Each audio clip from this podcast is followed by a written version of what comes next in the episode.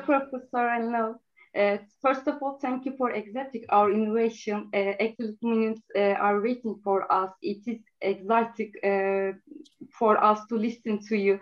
We know uh, that we have very little time, uh, so I don't want to too far. I leave the word to list, for Flor the and Erman. thank you for your kind support. Okay, dear Cynthia, Thank you so much for coming uh, here today. Uh, it's a great pleasure to meet with you here today. Uh, first, um, as we talked with you before, uh, could you please define what feminist international relations theory is? How can you define international feminist theory? Just in well, a one, two minutes. Sure. I know whole books are written about. But first of all, thanks to all of you for having me and anybody who's listening. I wish I were there in Istanbul or Ankara or Izmir or Diyarbakir with you. But next to that, Zoom, at least we're kind of together. Yes, um, yes a, a feminist international relations theory is like any theory. And that means that you, the listeners, you, the viewers here, you can judge it. A theory is something is a proposition to explain something. Theories are all about explaining. And every day, all of us explain things all the time. All of us are theorists. We just don't call what our explanations are, we don't call them theories, but we're always explaining. To be a feminist trying to explain things means that you always, always ask, how do ideas about and practices, that's like behavior, how do ideas about and practices of masculinities, that is, ideas about what it means to be manly, practices of what it means to be manly. Boys don't cry, classic, right? Well, of course, boys do cry. Um, and combined with, now this is your understanding um, international relations by asking these questions. The second set of questions is how do ideas about femininities, plural, just like masculinities are plural, which means there are big debates and there's varieties of them. How do ideas about what it means to be a proper woman, a respectable woman, a bad woman, a bad mother. How do those ideas work themselves into things like international trade? They do. Nuclear weapons policy? They do. Overseas military bases? They do. Migration? Absolutely. So to be to be engaged with, that is, join in the conversation about feminist theorizing because it's a it's an activity it's not a it's not a marble block sitting out there in the middle of Taksim Square. It is a activity to engage in feminist theorizing, feminist explaining of how international politics in all its messiness works is to be curious about the workings of and the contests about what it means to be manly and what it means to be a proper woman. Those debates, you have to be interested in that or you can't understand international relations. Thank you, uh, dear Cynthia. And our um, following question is about the movie Persepolis. Could you please explain how uh, do you see Persepolis in a feminist way how we can see the Persepolis using feminist lenses? Oh, that's a great question, uh, Elif. It's a great question because I was very, very lucky and I've met the author. The author is a uh, Iranian um, graphic novelist and writer um, named Marjane Satrapi. And she smokes, she smokes a lot.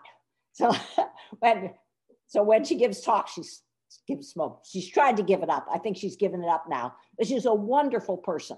She's a wonderful, generous person. She listens to questions. She answers very honestly.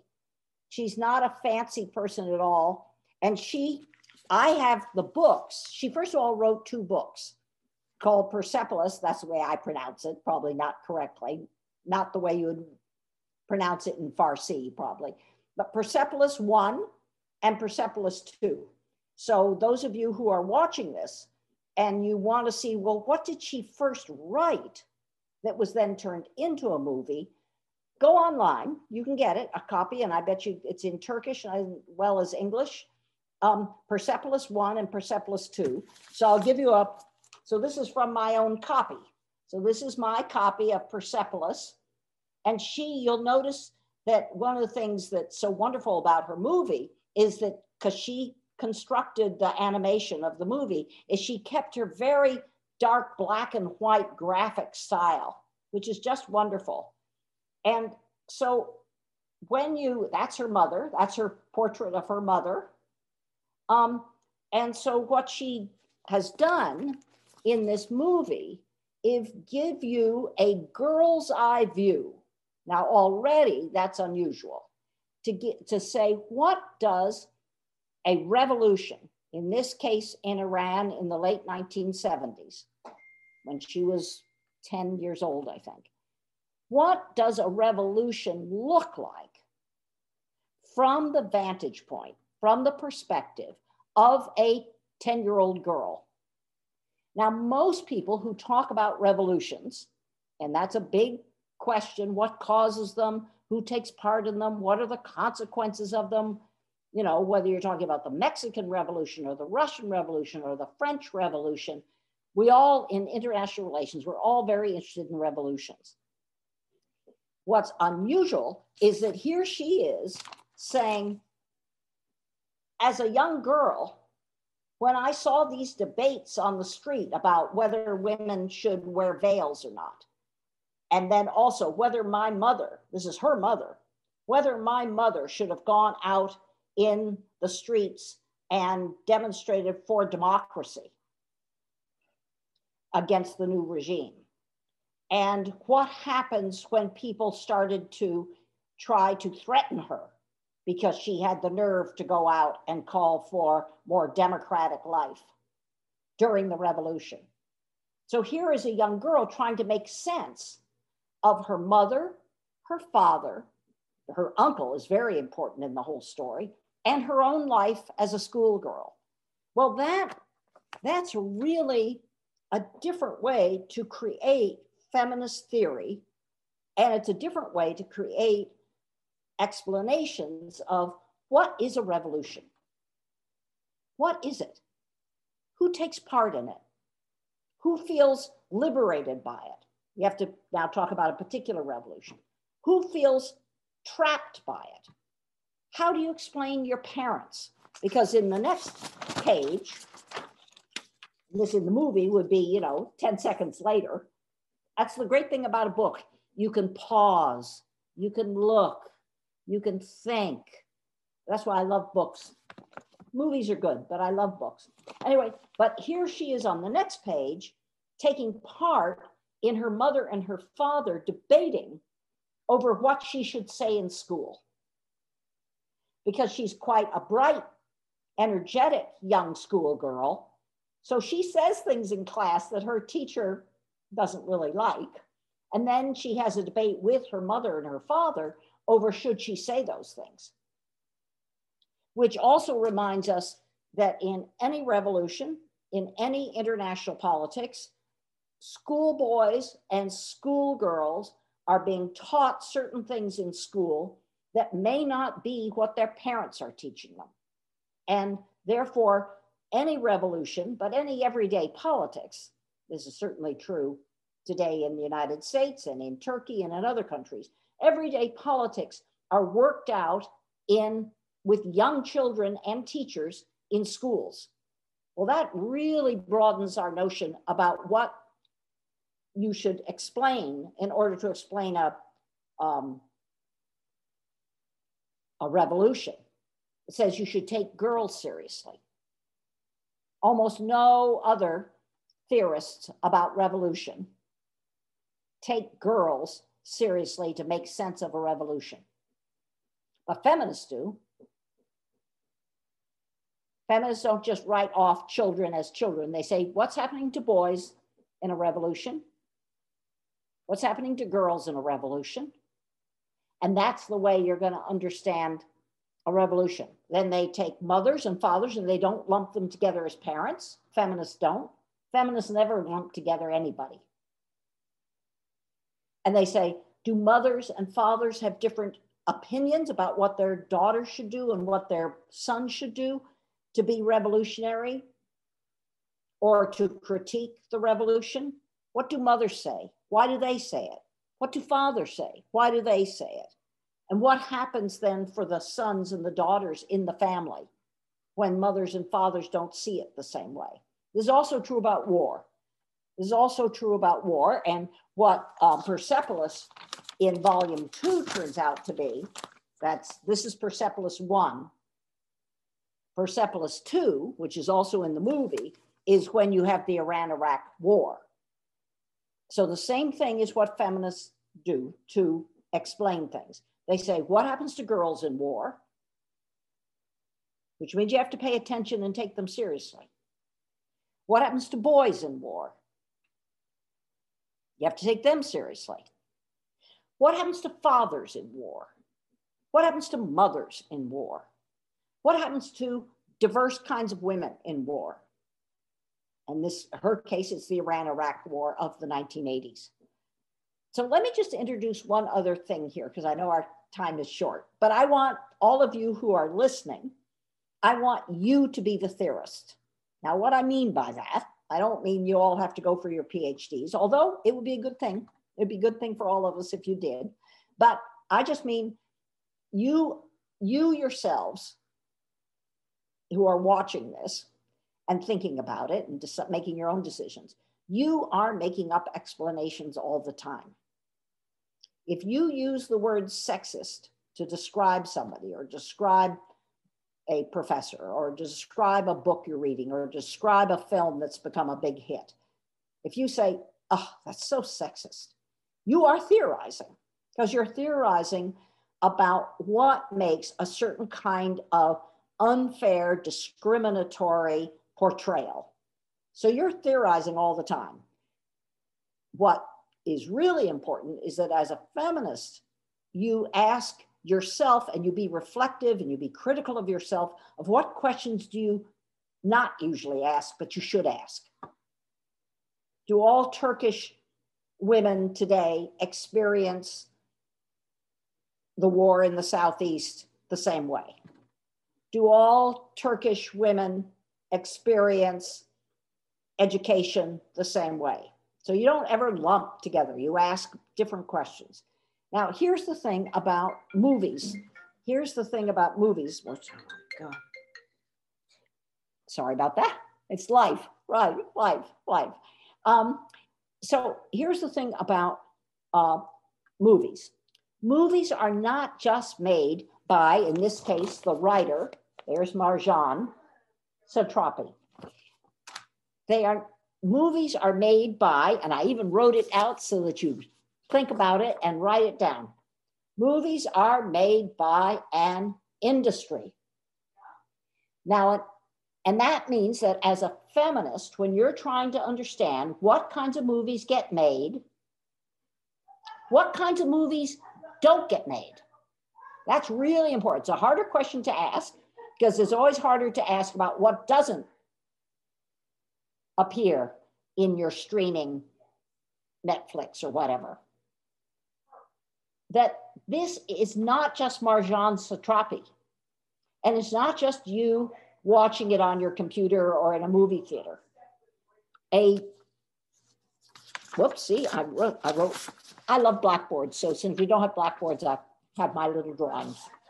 It means that you, as a feminist theorist, you have to ask about lots of different players behind every movie, behind the Wonder Woman series, behind Star Wars, behind any popular Turkish movie.